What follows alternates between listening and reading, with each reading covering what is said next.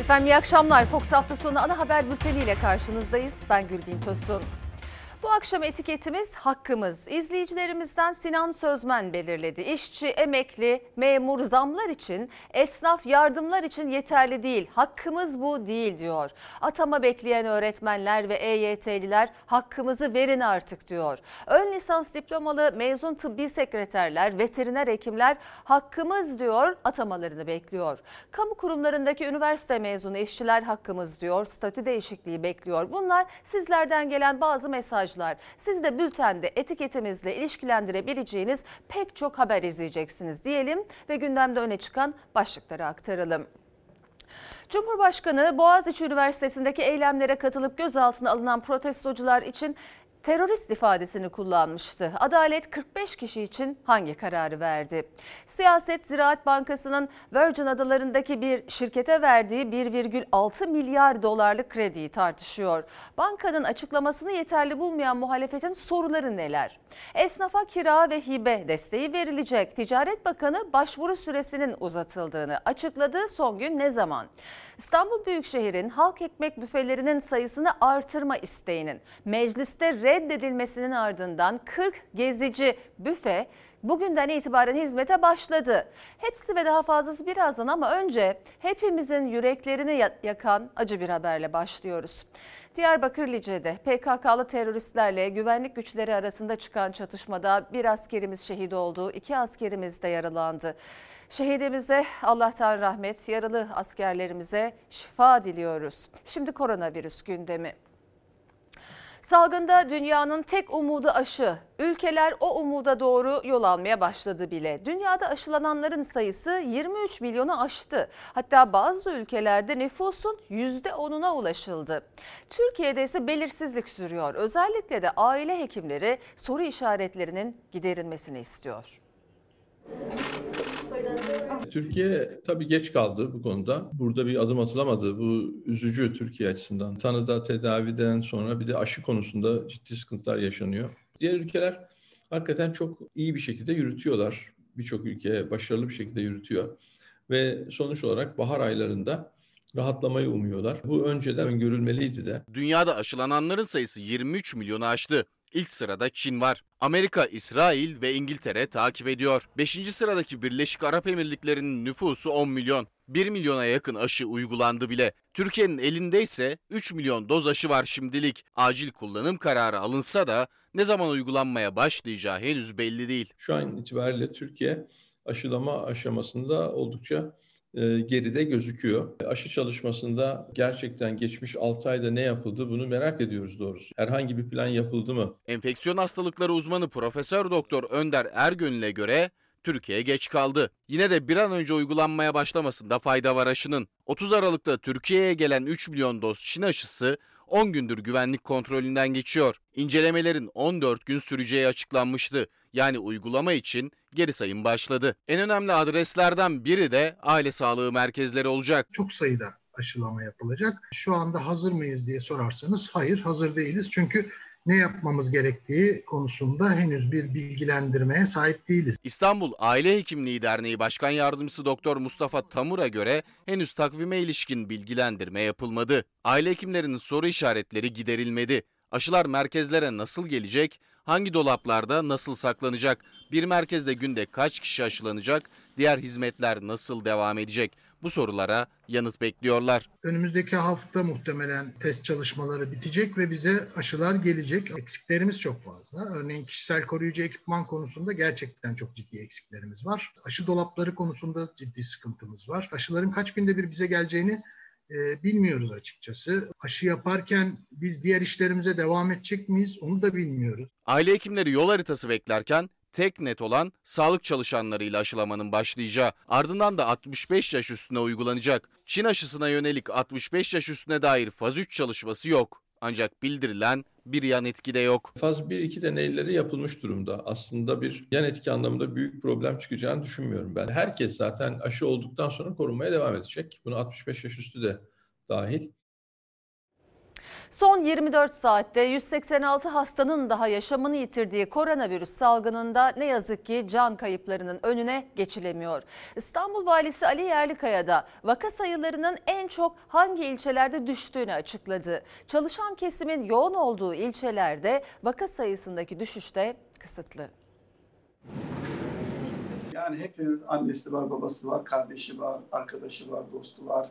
Ve bunlar böyle sayılarla ifade edilmesi hakikaten o kadar içimizi parçalıyor ki. Biz meslektaşlarımız için, onlarla için anma yapıyoruz İstanbul Tabip Odası olarak unutulmasınlar diye. Ama diğer yurttaşlarımız sessizce gidiyorlar. Sessizce ama arkalarında büyük acılar bırakıyor koronavirüsten yaşamını yitirenler. 24 saatte 186 hasta daha yaşamını yitirdi. 186 ailenin canı yandı. Zaten can kayıpları ne yazık ki hiç azalmıyor. En son Kasım ayının ortasında yüzün altındaydı günlük can kaybı. Sonrasında o seviyeye hiç inmedi. Salgının başından bu yana hayatını kaybedenlerin sayısı 22.450'ye ulaştı. Görüyoruz ki vefatlar maalesef hala işte 180 ile 220 arasında gidip geliyor. Hakikaten bu e, bu bizi yönetenlerin hiç uyumaması lazım. Uykuların kaçması lazım. 100 yılda bir gelen bir felaketten bahsediyoruz biz. İşte bu felakette en çok can kayıpları yakıyor Türkiye'nin yüreğini. Takvimler 16 Kasım'ı gösterdiğinde yani vefat sayısı 94 iken ağır hasta sayısı da yoğun bakımların doluluğu da daha fazlaydı. Aradan haftalar geçti, yoğun bakımlar boşaldı, ağır hasta sayısı azaldı. Ancak hayatını kaybedenlerin sayısı o günlerin iki katı kadar. İstanbul Tabip Odası'nın iddiasına göre sebebi o dönem vefat sayılarının olduğundan az gösterilmesi. Baştan itibaren bir e, sağlıksız bir gidiş vardı veri akışı konusunda kısmi de olsa hafta sonu kapanmaları, akşam kapanmaları, işte bir araya gelişlerin olabildiğince azaltılması meselesinin e, olumlu sonuçları olduğunu söylemeliyiz. Tabip Odası'ndan yönetim kurulu üyesi Doktor Güray Kılıç'a göre verilerin daha şeffaf bir hal alması ve alınan tedbirler etkisini göstermeye başladı. İstanbul Valisi Ali Yerlikaya da hangi ilçelerde vaka sayısının daha az, hangilerinde daha fazla düştüğünü açıkladı. Geçen haftaya oranla en çok düşüş Bakırköy, Adalar, Avcılar, Bahçelievler ve Sultan Gazi'de. En az düşüşse Şişli, Şile, Üsküdar, Zeytinburnu ve Beyoğlu'nda. Dip dibe fabrikalarda, atölyelerde, merdiven altı tesislerde çalışan insanlar e, kendini koruyamaz ki. İnşaatları görüyorsunuz inşaatları. Bunun yanı sıra yaşadıkları bölgeler, evler, bir evin içerisinde 5 kişi, 10 kişi, 15 kişinin yaşamak zorunda olduğu yerler var, mülteciler var. Doktor Kılıç'a göre ilçeler arasındaki farkın sebebi ekonomik durum ve çalışan kesimin yoğunluğu. Tedbirlerin ise arttırılması gerekiyor. Yaza kadar sıkı bir e, takip, ara ara tam kapanmalar, daha sonra kontrollü kapanmalar ve takipler, yine filyasyon, yine izlemelerle bu süreci böyle götürmemiz gerekiyor. Efendim bugüne ait koronavirüs tablosu arkamda verileri hemen paylaşalım. Son 24 saate test sayısı 168.289 olmuş. Düne göre düşüş var. Vaka sayısı 9537 olmuş. Burada da e, neyse ki düşüş var ancak test sayısında düşüş olması önemli. E, hasta sayısına bakalım 1103 Neyse ki düşüş var düne göre. Vefat sayısı 181, düne göre düşüş var. E, iyileşen sayısı 7902 ancak orada da ne yazık ki bir düşüş var. Ağır hasta sayımız 2903 olarak açıklanmış. Neyse ki burada bir düşüş var. Bugünkü veriler böyleydi. Sayın seyirciler 6. kez uygulanan sokağa çıkma yasağı dün akşam başladı. Ancak hala sokaklarda tam sakinlik sağlanamıyor. Dışarıdakilerin ortak bahanesi alışveriş. Polis ise denetimlerini sürdürüyor. Sayılır. Biraz kaçamak oldu evet. Yani aslında beni görmediniz. Yaptığım doğru bir şey değil. Hemen ara sokaktan kaçacağım. 56 saatlik sokağa çıkma yasağı bu hafta sonu 6. kez uygulanıyor. Cuma akşamı 21'de başladı, sokaklar boş kaldı. Ancak yasağın 6. haftasına girilmesine rağmen hala kurallara uymayanlar vardı. Fırınlar, marketler açık olduğu için sokaktakilerin gerekçesi de ortaktı. Alışverişe çıktık. Özellikle bugün tercih ettik. Çalışıyoruz. Çalışan insanlar olarak ancak bugünümüz var. Başka günümüz yok alışveriş için. Bulunduğumuz nokta normal günlerinde İstanbul'un en hareketli noktalarından biri olan Bağdat Caddesi. Geçtiğimiz hafta kısıtlama günlerinde caddede yürüyüş yapanlar vardı. Ancak bu hafta sonu kapalı havanın da etkisiyle o kalabalık daha az. Ancak yine de yasağa rağmen yürüyüşe çıkanlar var. Bugün biraz daha tenha. Geçen hafta çok kalabalıktı. Çok aşırı yürüyüşe çıkanlar vardı. İhtiyacının dışında çıkanlar vardı. Yağışa rağmen sahillerde boş kalmadı İstanbul'da. Özellikle Bebek sahilinde yasak yokmuş gibi spor yapanlar vardı. Trafik ekipleri İstanbul'un birçok noktasında denetimlerini sürdürüyor. Araçları tek tek durduran ekipler araç içerisindeki kişilerin hangi meslek grubundan olduğunu, kısıtlamadan muaf olup olmadıklarını ve izin belgelerini kontrol ediyor. Yapılan denetimlerde bir esnaf izin belgesi ve kimliğini evde unuttuğunu söyledi. Fırıncıyım dese de 313 lira cezadan kurtulamadı. Kısıtlama pazartesi sabaha karşı 5'te sona erecek. Var var da yanıma almamıştım. Dükkanda. Bir tane açma 15 lira tutuyor. Ben yedim 313 lira ceza. Sokağa çıkma kısıtlamasına yurt genelinde çoğunlukla uyuldu. Ancak her kısıtlamada olduğu gibi yine yasak tanımayanlar da vardı. Ankara'da polise yakalanan kadının benim amcam polis, eniştem savcı diyerek kendini savunması pes dedirtti. Benim amcam amcam kızın eniştem sandı tamam baba tarafından dedem anne tarafından eniştem Ankara adresine sadece araç araştır sor. Kısıtlamada sokağa çıktı, savunması pes dedirtti. Senden önce beni dört kişi daha çevirdi. O zaman o polis arkadaşlar da bunun bilincinde olarak beni buraya kadar göndermemeleri gerekiyor. 56 saatlik sokağa çıkma kısıtlaması cuma gecesi başladı. 6. haftaya girilirken kısıtlamaya uymayanlar polisten kaçamadı. Polise diyemem değil abi iletişime geçmiyor. Ben bir polislerle işim yok. Ben gazeteciyim, basın mensubuyum. Ankara'da polisin durdurduğu aracın sürücüsü alkollüydü. Yanındaki kadının da izin belgesi yoktu. Ceza yazılacağını anlayan kadın polise uzun süre dil döktü. Sonra öfkesi gazetecilere yöneldi. Benim amcam amcam kızın eniştem sandı tamam baba tarafından dedem anne tarafından eniştem Ankara adresine sadece dedem araç araştır sor.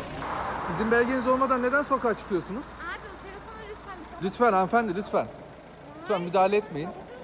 İşimizi yapıyoruz biz. Amcasının polis, eniştesinin de savcı olduğunu söyleyerek görüntülerinin silinmesini istedi. Ne görüntüler silindi ne de cezadan kurtulabildi. Tutanağı imzalayan kadın taksiye binip yoluna devam ederken sürücünün de ehliyetine el konuldu. İki arkadaşa toplam 7650 lira ceza kesildi. Kaçıyor. Düzce'de polis ekiplerinin dur ihtarına uymayarak kaçan sürücü kısa süren kovalamacanın sonunda yakalandı. Psikolojimdeyiz şu anda. Araç sürücüsüne dur ihtarına uymamak, tehlikeli araç kullanmak, kırmızı ışık ihlalinden 9603 lira idari para cezası kesildi. Ablacığım ne çıkıyorsun? Tamam Denizli'de kapısının önüne kadın ve çocuk ayakkabıları konularak ev görüntüsü verilen yerde 33 kişi kumar oynarken yakalandı. 148.500 lira ceza kesildi. Avrupa mutasyon geçiren virüsün kıskacı altında İngiltere ve Almanya'da salgının başından bu yana en yüksek can kayıpları görüldü.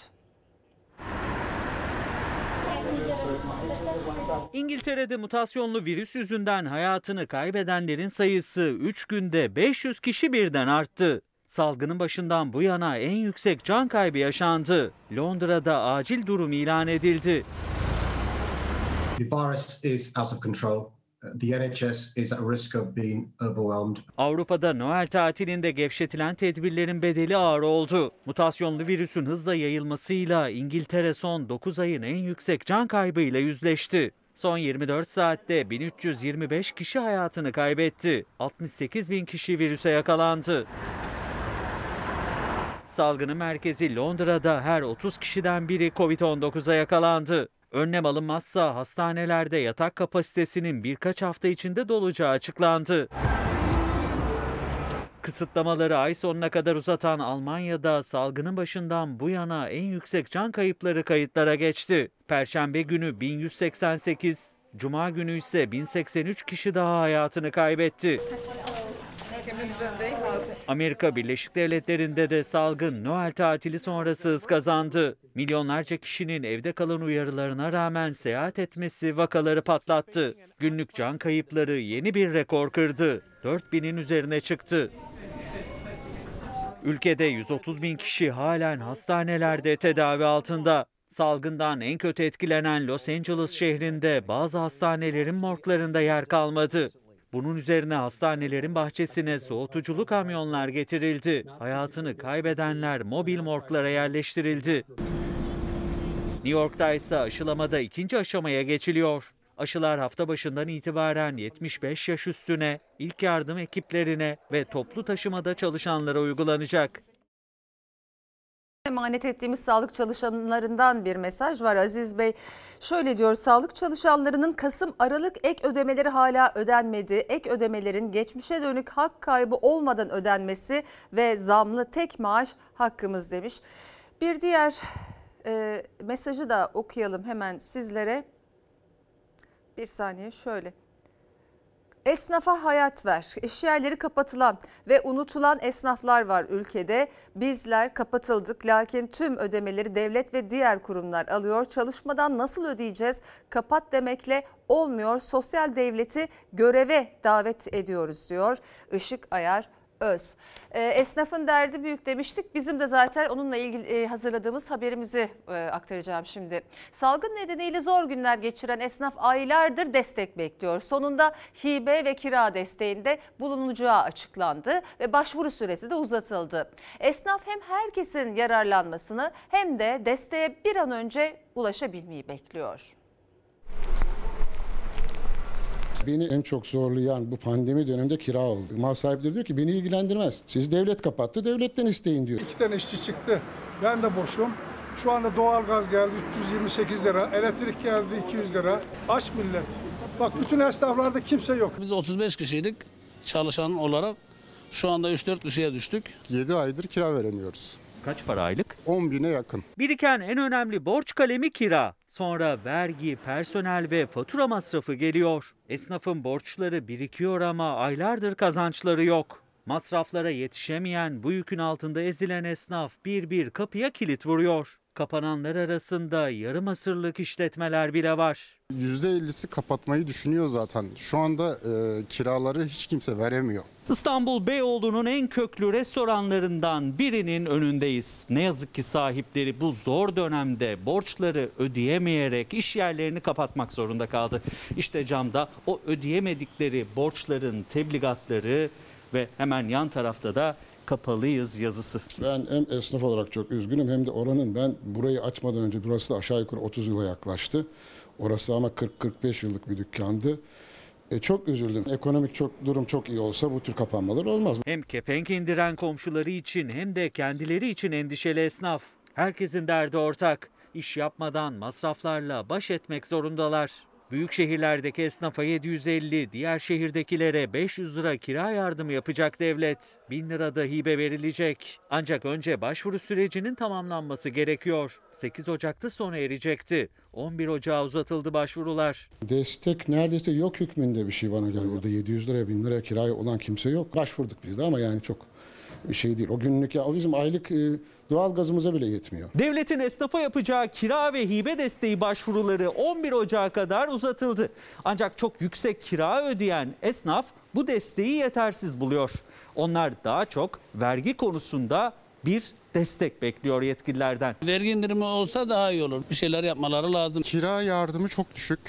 Ee, çok ciddi kiralar veriyoruz. Yasak günlerinde iş yerini açabilen, paket servisi yapanlar da pek memnun değil işlerden. Kar yapmak bir yana iş yerlerini açtıkları an masrafları artıyor. Esnaf desteklerin kapsamının daha genişlemesini ve daha geç kalınmamasını istiyor. Esnafa kira ve hibe desteği sadece belirli esnaflara veriliyor benim bildiğim kadarıyla. Mesela bana verilmiyor. Mesela komşuma verilmiyor. Herkese ve daha çabuk verilmeli bence. Ben açayım ama işler %30'lara düştü, %20'lere düştü yani. Aylardır koronavirüs nedeniyle müzik sektörü durdu. Müzisyenler ve tüm emekçiler gelirsiz kaldı.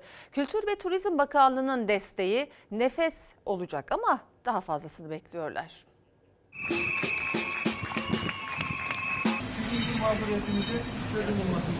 Çalışamıyorum, çalışamayacağım ve ne zaman çalışacağım bilmiyorum. Sistemde ben yokum. Ne zaman geçecek bu korona? Doktor gördüğünde soruna. Hepsi çok zor durumdalar. Çünkü e, 9-10 aydır hiç çalışamayan, para kazanamayan, enstrümanlarını satarak, farklı işler yapmak zorunda kalarak bir şekilde ayakta kalmaya çalışıyorlar. Eğlence mekanları kapandı, konserler iptal oldu, müzik yerini sessizliğe bıraktı. Müzisyenlerse sonunun ne zaman geleceğini bilmedikleri bir bekleyişte. Gelir yok, kimi enstrümanını sattı, kimi birikimini tüketti. Bu kez sesleri duyulsun diye bir belgesel hazırladılar. İnsanlar müziğin hayatlarında ne kadar büyük bir yer kapladığından habersizler. Eğer müzik tamamen susarsa o zaman anlayacaklar. Ben en son işimi 6 Mart 2020'de yaptım. Organizatörler var, menajerler var, tohmaserler var, rodiler var. Çaldığımız yerlerde çalışan müstahtem var.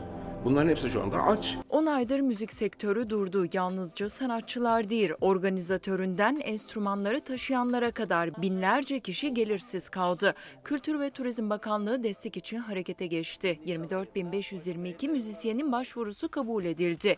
3 ay boyunca biner lira destek ödenecek. Bir adım atılması hiç yoktan tabii ki iyi. Ancak e, tabii ki ülke şartlarında bu durumda aylardır e, biriken borçların nihayetinde tabii ki bin lira hiç kimseye yetecek bir ücret değil ve hiç çalışamayan insanlardan bahsediyoruz. Verecekleri bin lira bir ücret bu arada. Bin lira birayı bile kurtarmaz. İstanbul'da yaşıyorsunuz, ev kirası var, bilmem ne var, faturalar var. Müzik emekçileri desteklerin artırılmasını, sektörde normalleşme sağlanmasını bekliyor. AVM'ler açık, uçaklar tıklım tıklım dolu. E, yani hani biz de belirli koşulları sağlayarak diğer tüm hayat akışı devam ederken belirli önlemlerle aynı önlemlerin bu mekanlarda da alınarak e, devam edebileceğini düşünüyorlar. Çünkü zaten e, hepsi şu anda e, ciddi anlamda borçlar içinde yaşadıkları için çok daha fazla dayanmaya güçleri kalmadı.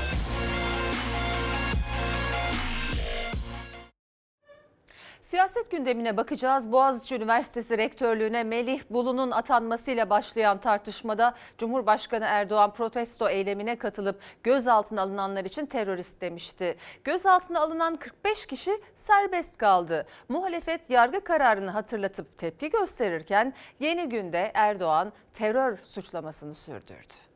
Öğrencilerle niye görüşeyim? Öğrenciler önce bir defa bu işin içinde değil. Bu işin içinde olan teröristler var. Bu öğrencilerin tamamı serbest bırakıldı. Hiçbirisi terörist değil. Tutuklanmasına bile hakimlerin gerek görmediği öğrencileri ülkenin cumhurbaşkanı 83 milyonun önünde terörist olmakla suçladı. Bunlar öğrenci değil. Demek ki mesele ya AK Partilisin ya da hainsin meselesiymiş. Demek ki mesele her zamanki gibi siyasi rant meselesiymiş. Sayın Erdoğan, ayıptır, günahtır. Cumhurbaşkanı Erdoğan Boğaziçi Üniversitesi'ne rektör ataması protestosunda gözaltına alınanlar için teröristler ifadesini kullanmıştı. Gözaltına alınan 45 kişi de serbest bırakıldı. Muhalefetin tepkisi sürerken Erdoğan yeni günde yine suçlamasını sürdürdü. Bu kez de terör örgütü iltisaklı kişiler ifadesiyle. Terör örgütü iltisaklı kişilerin en ön safta yer aldığı bu tür eylemlerin demokrasiyle, hak arayışıyla, fikir ve ifade özgürlüğüyle uzaktan yakından ilgisi yoktur. Şimdi mahkeme teröristleri serbest mi bırakmış oluyor? Terörist demedi kimse kalmadı. Artık kimse Recep Tayyip Erdoğan terörist deyince onu ciddiye bile almıyor. Biz bu kirli senaryonun aktörlerini gezi olaylarında esnafın malını mülkünü yağmalarken gördük. Bezmi Alem Valide Sultan Camii'ni işgal ederken orada bira kutuları ile beraber nasıl bir işgalci hareket yaptıklarını da gördük. Makamının farkına var artık. Sen bu ülkenin cumhurbaşkanısın. Milletini bu şekilde ayıramazsın. Kendine gel. Cumhurbaşkanı Erdoğan'ın da İçişleri Bakanı Süleyman Soylu'nun da aralarında teröristler var dediği gözaltına alınan 45 kişi serbest. Yani terörle ilişkili olduklarına dair hiçbir karar çıkmadı. Muhalefet kendinden olmayanları terörist olmakla suçluyorlar diye ses yükseltirken Cumhurbaşkanı rektör atamasına karşı çıkan öğrencilere destek veren muhalefeti de hedefe koydu. Biz bunları darbecilerin, terör örgütlerinin ülkemize diz çöktürmek için yanıp tutuşanların safında gördük. Gerçek teröriste de terörist demiyor. Osman Öcalan terörist ve bu teröristi siz seçimlerde alıp kullandınız. Devletin televizyonda konuşturdunuz. Teröristlerle irtibatta olup öğrencilere terörist demenin ne anlamı var? Bir yanda Cumhurbaşkanı'nın terörist söylemi, diğer yanda muhalefetin yargı kararını da göstererek o söyleme tepkisi. Boğaziçi Üniversitesi'ne rektör atamasıyla başlayan tartışma siyasette de sürüyor.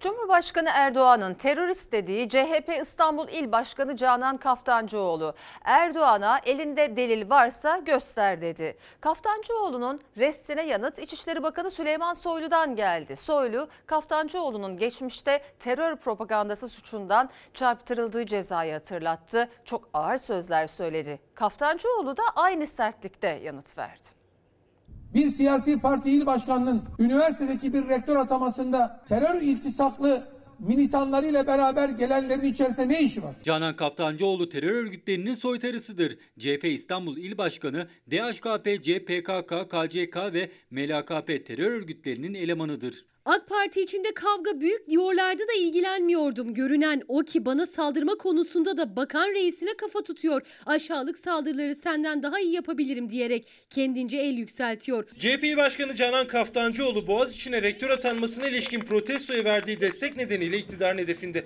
İçişleri Bakanı'ndan yeni günde de ağır terör suçlaması geldi. CHP İl Başkanı yanıt verdi. Bir gün önce de Cumhurbaşkanı DHKPC militanı ifadesini kullanmıştı Kaftancıoğlu için. Ne yazık ki öğrencilikle alakası olmayan işte CHP'nin bakıyorsunuz İstanbul İl Başkanı orada zaten kendisi bir DHKPC militanıdır. AK Parti Genel Başkanı yalanlarına yeni bir tanesini ekleyerek DHKPC militanı olduğum safsatasında bulunmuştur. Bu saçma suçlamasına ilişkin elinde hangi delili varsa derhal kamuoyuna açıklamak zorundadır. Sen İstanbul'u kaybettin diye bir kadın siyasetçiye hem de var gücünle hakaret edemezsin. Var gücünle iftira atamazsın. Cumhurbaşkanının dokunulmazlığı zırhından yararlanarak alenen suç işliyor. DHKPC ve PKK-KCK propagandası yapmaktan İstanbul 37. Ağır Ceza Mahkemesi'ndeki 2019'da 171 esas nolu dosya kapsamında 1 yıl 8 ay ceza almıştır. İçişleri Bakanı Süleyman Soylu Kaftancıoğlu hakkında mahkeme kararı var dedi. CHP İl Başkanı hakkında 3 ayrı terör örgütü suçlaması yöneltti. MLKP'nin sözde kurucu liderlerinden Hasan Ocak, PKK'nın kurucularından Sakine Cansız, DHKPC'li Ebru Timtik sözde liderleştirdiği teröristlerden sadece birkaçıdır. En büyük teröristlik iftira atmaktır. En büyük teröristlik masum insanları toplum içinde küçültmeye çalışmaktır. CHP'li kurmaylar İçişleri Bakanı'nı iftirayla suçlarken Kaftancıoğlu da bir kliple yanıt verdi bakana. Aşık Mahsuni Şerif'e ait olan ancak Boğaziçi öğrencilerinin sözlerini değiştirdiği bir türküyü paylaştı sosyal medya hesabından. Türküleri severim diyerek.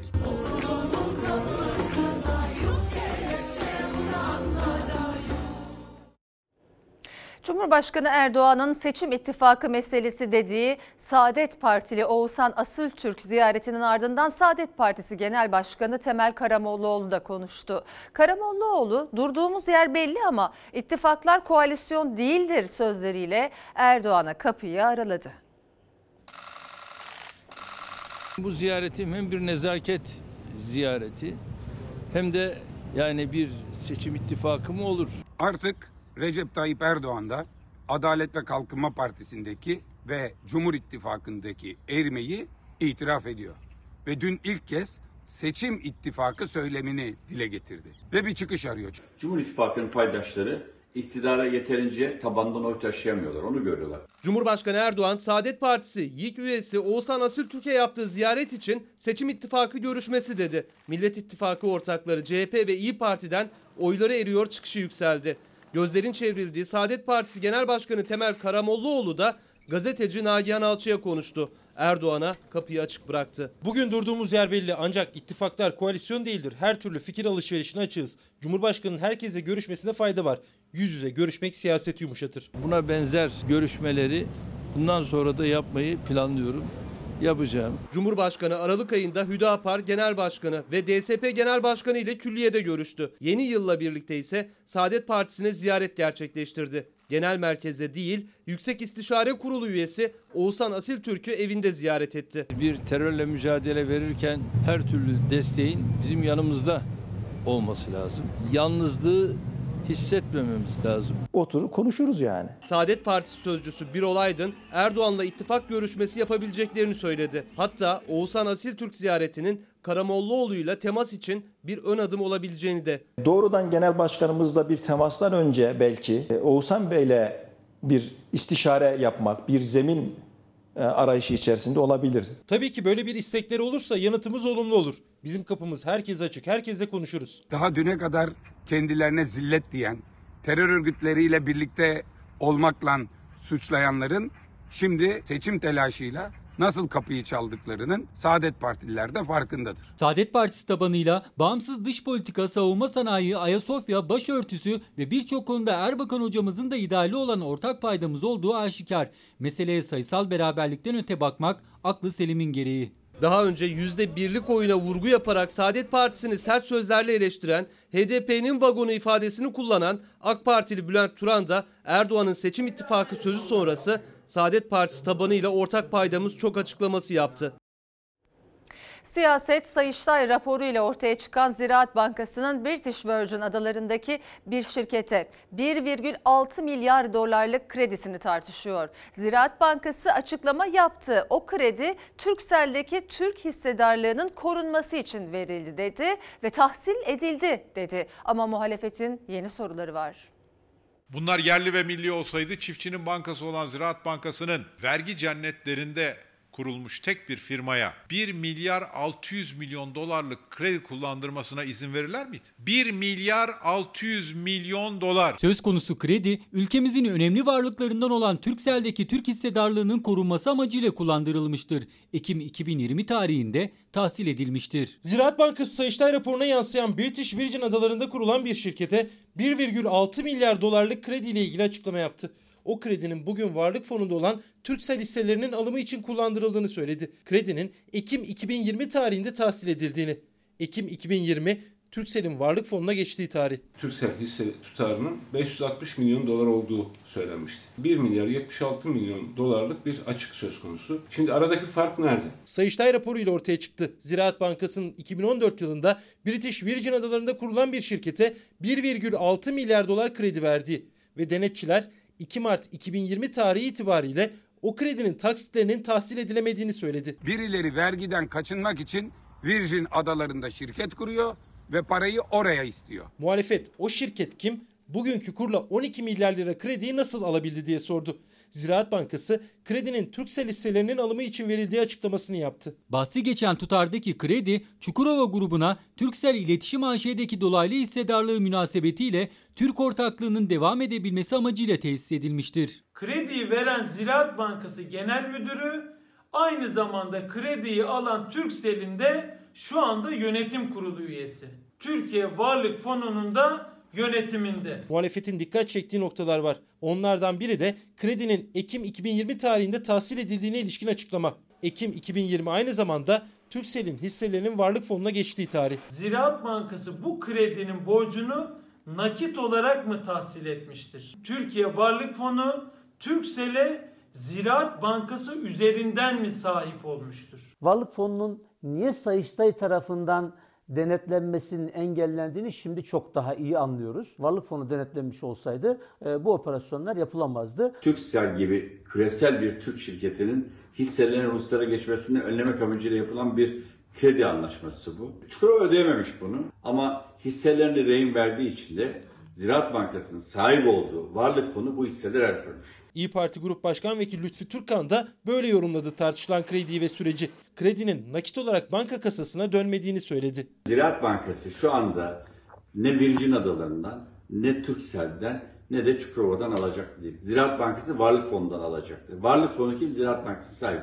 Dolayısıyla bu iş biraz sanki farklı bir şekilde değerlendirilmiş ama doğrusunu da söylemek lazım. Ziraat Bankası'nın yönetim kurulu üyelerine maaş dışında her 3 ayda bir ikramiye ödediği ve tüm üyelere tüm masrafları banka tarafından karşılanan kredi kartı verildiğini yazdı Sayıştay. Üyelerin kredi kartı harcamaları ne kadar ve neye harcadılar bilgisi yok. Faturalar istenmesine rağmen Sayıştay denetçilerine de verilmemiş. Ziraat Bankası Yönetim Kurulu üyelerinin maaşın dışında ikramiye aldıkları kredi kartı verildiği ancak bunun bilgi ve belgesine ulaşılamadığını söylüyor. Kim? Sayıştay. Sayıştay'ın Ziraat Bankası denetim raporu muhalefetin gündeminde. Sayıştay denetçileri Ziraat Bankası Yönetim ve Denetim Kurulu üyeleri için yapılan gider hesaplarına ulaşılamadığını söyledi. Belge istendiği halde paylaşılmadığını banka açıklama yaptı. Hem medya hem denetim tarafında gerçek olmayan eksik bilgilerle sonuçlar ve kanaatler oluşturulmaya çalışılmaktadır. Sayıştay raporuna göre 2019 yılında bankada 9 yönetim 2 denetim kurulu üyesi yer aldı. Denetçiler 11 üye için 2019 yılında toplam 2 milyon 346 bin TL gider olması gerekirken 5 milyon 451 bin lira gider olduğuna dikkat çekti. Banka yöneticileriyle yapılan görüşmelerde yönetim ve denetim kurulu üyelerinin genel kurul tarafından belirlenen aylık net ücretlerinin yanında 3 ayda bir ikramiye aldıkları, kendilerine ayrıca giderleri banka tarafından karşılanmak üzere kredi kartı tahsis edildiği öğrenilmiştir. 3 ayda bir ikramiye alınıyor. Ayrıca ekstreleri banka tarafından ödenmek üzere kendilerine kredi kartı veriliyor. Bu dünyanın hiçbir yerinde görülmüş bir şey değildir ve bunlar kanuna uygun da değil. Sayıştay'ın raporuna göre denetçiler bankadan yönetim ve denetim kurulu üyelerine yapılan ikramiye ve kredi kartı giderlerinin dokümanlarını istedi. Ancak bir bilgi ve belge elde edemedi. Hesabın ayrıntısı denetim ekibi tarafından çeşitli iletişim yöntemleriyle defalarca talep edilmiş olmasına rağmen Sayıştay denetim ekibiyle paylaşılmamıştır. Kim bu arkadaşlar?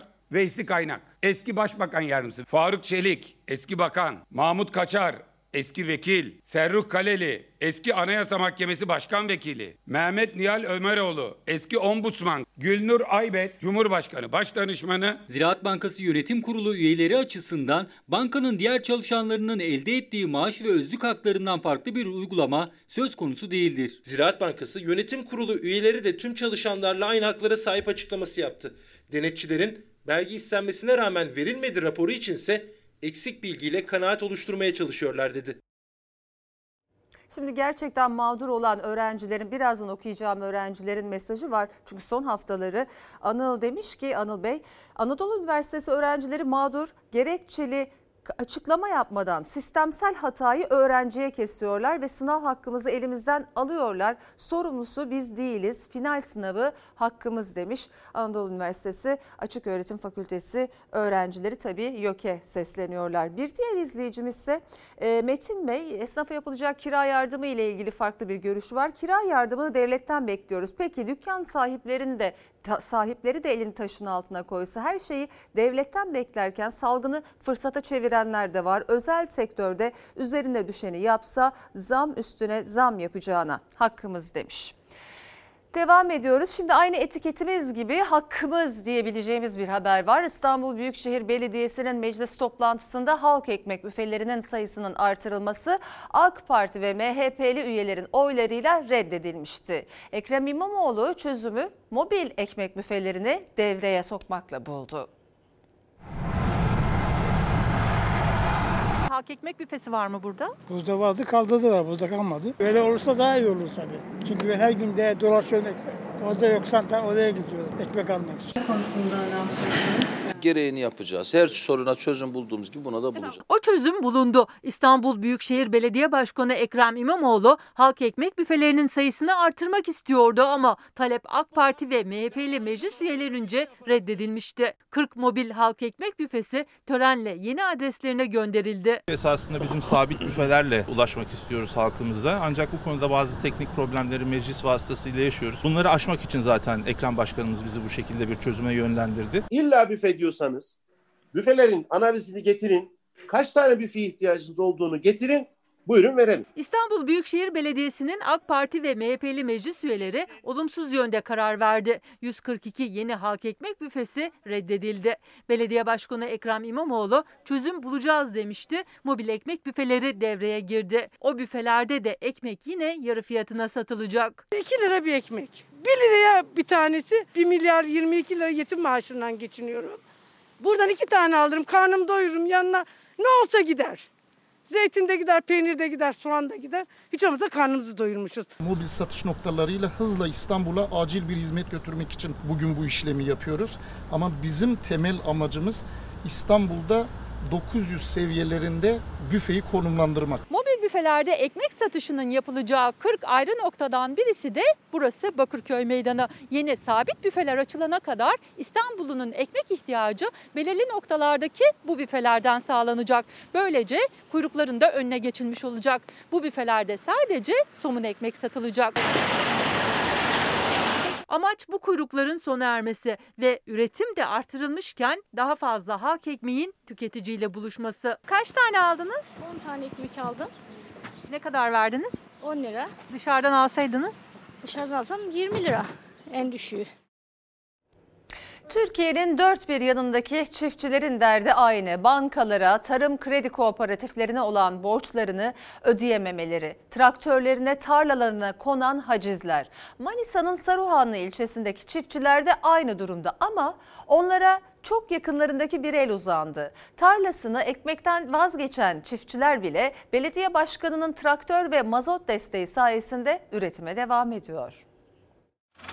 Ben tarımı kesin bırakıyordum. Yok yani iflas ettim. Bir haber duydum. Bizim ilçemizin e, Zeki Başkan e, traktör desteği. Dediler bu traktörü Şitayır al. E, dedim başkan mazot da yok bende. Tamam dedi sana mazot da vereyim dedi. Çiftçi Nedim İndibay'ın üretime devam etmesini sağladı o destek. Manisa'nın Saruhanlı ilçesinin CHP'li belediye başkanı Zeki Bilgin, belediyeye ait traktörleri çiftçinin hizmetine sundu. Hem şantiyemizdeki 18 traktörümüzü tahsis ettik ayrıca akaryakıt mazotlarını da onlara vererek arazilerin sürmelerine, işlemelerine yardımcı olduk. Tarım Kredi ve Ziraat Bankası'na da faizi silip 5 yıl süreye yaymasını Sayın Cumhurbaşkanımızdan bekliyoruz. Bankalara tarım kredi kooperatifine olan borçları nedeniyle darboğazda çiftçi. Traktörlerine haciz konulan da var, tarlaları rehinli olan da. Zeytinim tarlam 1894 parsel. Tam 30 tane rehin var üstünde. Tarlayı ben işliyorum ama ya banka alacak ya devlet alacak. Türkiye'de tarım yapılan her yerde çiftçinin sıkıntısı aynı. Ürettiklerinden elde ettikleri para kredi taksitlerini hatta o kredilerin faizlerini bile ödemeye yetmiyor. Tarımsal sulamada kullanılan elektriği, mazot, gübre, işçi giderini karşılamıyor. Çiftçinin bu tarımsal sulamadaki %18 elektrik %0'a düşmesi gerekir. 400 milyarlık tarım aleti almışım. Bunları hurdaya mı satacağım? Devlet desteği. 2019'dan beri daha hala alacağız. Televizyonlara bakıyorum aynalı, süslü, şöyle bir destek, şu işte milyar dolar, şu bu. Ya kim hiç 90'lı yıllarda pamuk ekerdik. Kazanacağımız bir yıl önceden belliydi. Yani yok ne oldu bu ülkeye? Bana bıraksalar bu tarımı ülkede daha iyi yönetirim. Saruhanlı çiftçiler de devlet desteğinin yeterli olmadığını söylüyor. Onların derdini bir nebze azaltansa belediye başkanı Zeki Bilgin oldu. Belediyenin 18 traktörünü çiftçiye tahsis etti başkan. Mazotlarını da veriyor. Ben tarımı kesin bırakıyordum. Yok yani iflas ettim. Bankalar, damlama borcu, ilaç. İstanbul'dan bir iş buldum. 2000-3000 lira öyle aylık. Hanımla da hatta el allaştım. Dediler bu traktörü Şitayır al. Dedim başkan mazot da yok bende. Tamam dedi sana mazot da vereyim dedi.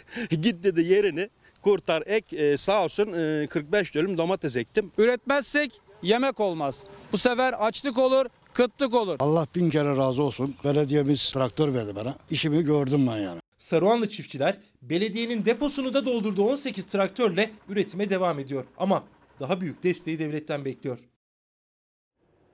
Sayın seyirciler SMA hastası Mert Adrian için aylardır kampanyayla para toplamaya çalışıyor ailesi. Ancak yurt dışındaki gen tedavisi için yaş ve kilo kriterini aştı küçük çocuk.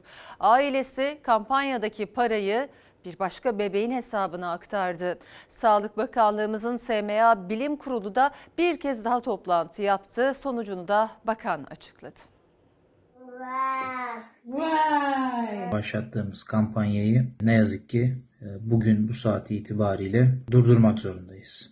Mert'i uçağa bindirip tedavisine uçuramadık ama başka bir bebeğimizi vakti ve süresi kilogramı uygun olan bu tedaviye cevap verebilecek başka bir bebeğimizi sizlerin de izniyle tedavisine uçurmak istiyoruz. Duygularımın tarifi yok. Ne diyeceğimi bilemiyorum. SMA hastası bebeklerden Mert Adrian zamanla yarıştı ancak gen tedavisi için gereken parayı kampanyayla toplamaya vakti yetmedi. Yurt dışındaki tedavi için gerekli olan kilo ve yaş kriterlerini aştı. Ailesi de bir başka bebeğin umudu devam etsin diye kampanyada biriken parayı SMA hastası Eylül'ü hesabına aktardı. Sağlık Bakanlığı SMA Bilim Kurulu ise bir kez daha toplandı ama ailelerin beklediği müjde gelmedi. Gen tedavisi konusunda son gelişmeler incelenmiş, tedavinin etkinliğine ve güvenirliğine yönelik ek kanıt bulunmadığı bildirilmiştir. Biz bir hayali yerine getirememişken e, hayalini yerine getiren bir anne babayı görmek, sağlığına kavuşan bir çocuğu görebilmek bizleri gerçekten mutlu edecek. C.